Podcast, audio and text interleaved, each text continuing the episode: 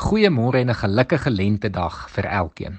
Mag die begin van hierdie nuwe seisoen jou ook herinner dat Jesus Christus vir jou nuwe lewe aanbied en mag jy dit aanneem. Vanoggend wil ek vir ons die verhaal van Nikodemus voorlees wat ons sal help verstaan hoe hierdie nuwe lewe begin. Ek lees dit vanoggend vir ons voor uit Johannes 3. Daar was 'n man met die naam Nikodemus. Hy het aan die party van die Fariseërs behoort en was 'n lid van die Joodse Raad.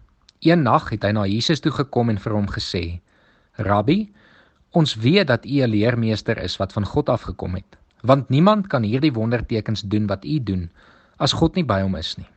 Daarop sê Jesus vir hom: "Dit verseker ek jou, as iemand nie opnuut gebore word nie, kan hy die koninkryk van God nie sien nie."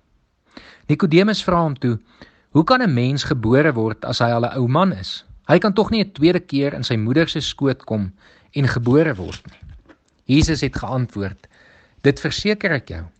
As iemand nie uit water en gees gebore word nie, kan hy nie in die koninkryk van God kom nie.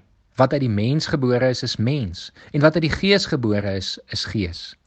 Moenie verbaas wees dat ek vir jou gesê het jy moet opnuut gebore word nie. Die wind waai waar hy wil. Jy hoor sy geluid, maar jy weet nie waar hy vandaan kom en waar hy heen gaan nie. So gebeur dit met elkeen wat uit die gees gebore is. Nikodemus vra hom toe: "Maar hoe is dit moontlik?" En Jesus antwoord hom: "Jy is die bekende leermeester van Israel en jy verstaan dit nie? Dit verseker ek jou. Ons praat oor wat ons weet en ons getuig oor wat ons gesien het. En tog aanvaar julle nie ons getuienis nie. Ek het julle van die aardse dinge vertel en julle glo dit nie. Hoe sal julle glo as ek julle vir julle van die hemelse vertel? Niemand op die aarde was al in die hemel nie behalwe hy wat uit die hemel gekom het naamlik die seun van die mens. Moses het die slang in die woestyn hoog op 'n paal gesit so moet die seun van die mens verhoog word sodat elkeen wat in hom glo die ewige lewe kan hê. God het die wêreld so lief gehad dat hy sy enigste seun gegee het sodat die wat in hom glo nie verlore sal gaan nie maar die ewige lewe sal hê God het nie sy seun na die wêreld toe gestuur om die wêreld te veroordeel nie, maar sodat die wêreld deur hom gered kan word. Wie in hom glo, word nie veroordeel nie. Wie nie glo nie, is reeds veroordeel omdat hy nie in die enigste seun van God glo nie. En so kom die skeiding. Die lig het na die wêreld toe gekom en tog het die mense eerder die duisternis as die lig liefgehad, want hulle dade was sleg.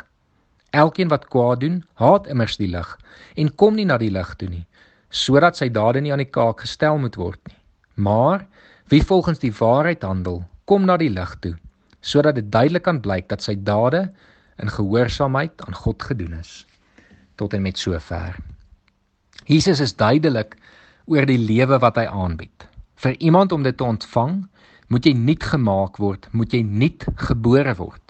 Jy moet toelaat dat die Heilige Gees die ou mens in jou laat sterf sodat jy met 'n nuwe mens, 'n nuwe gees gebore kan word. 'n Gees wat onder leiding van die Heilige Gees kan leef.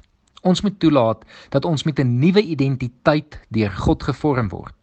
Ons ou mens, ons sondige natuur, ons menslikheid, dit word alles uitgevee en ons begin op 'n nuwe bladsy met 'n nuwe lewe. Indien ons hierdie skuif maak, begin ons hele lewe anders lyk. Ons begin die vrug van die Gees in ons lewe dra. Ons word vriendeliker, geduldiger, is gevul met vreugde en vrede. Ons leef met liefde, met goedhartigheid, getrouheid, nederigheid en selfbeheersing.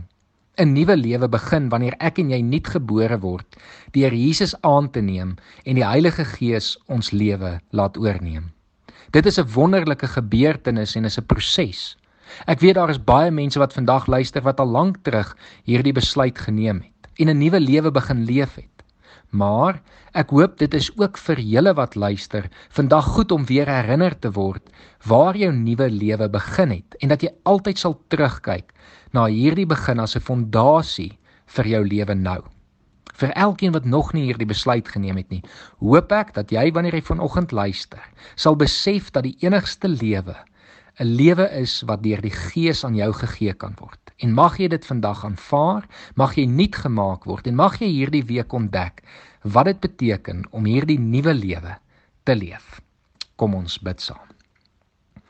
Here ons dank U vir die wonderlike voorreg wat ons het om deur U nuut gemaak te word, om nuut gebore te word, om deur U Gees gebore te word. Here, dankie dat dit ons U kinders maak en dat ons as kinders van God kan leef in 'n verhouding met U.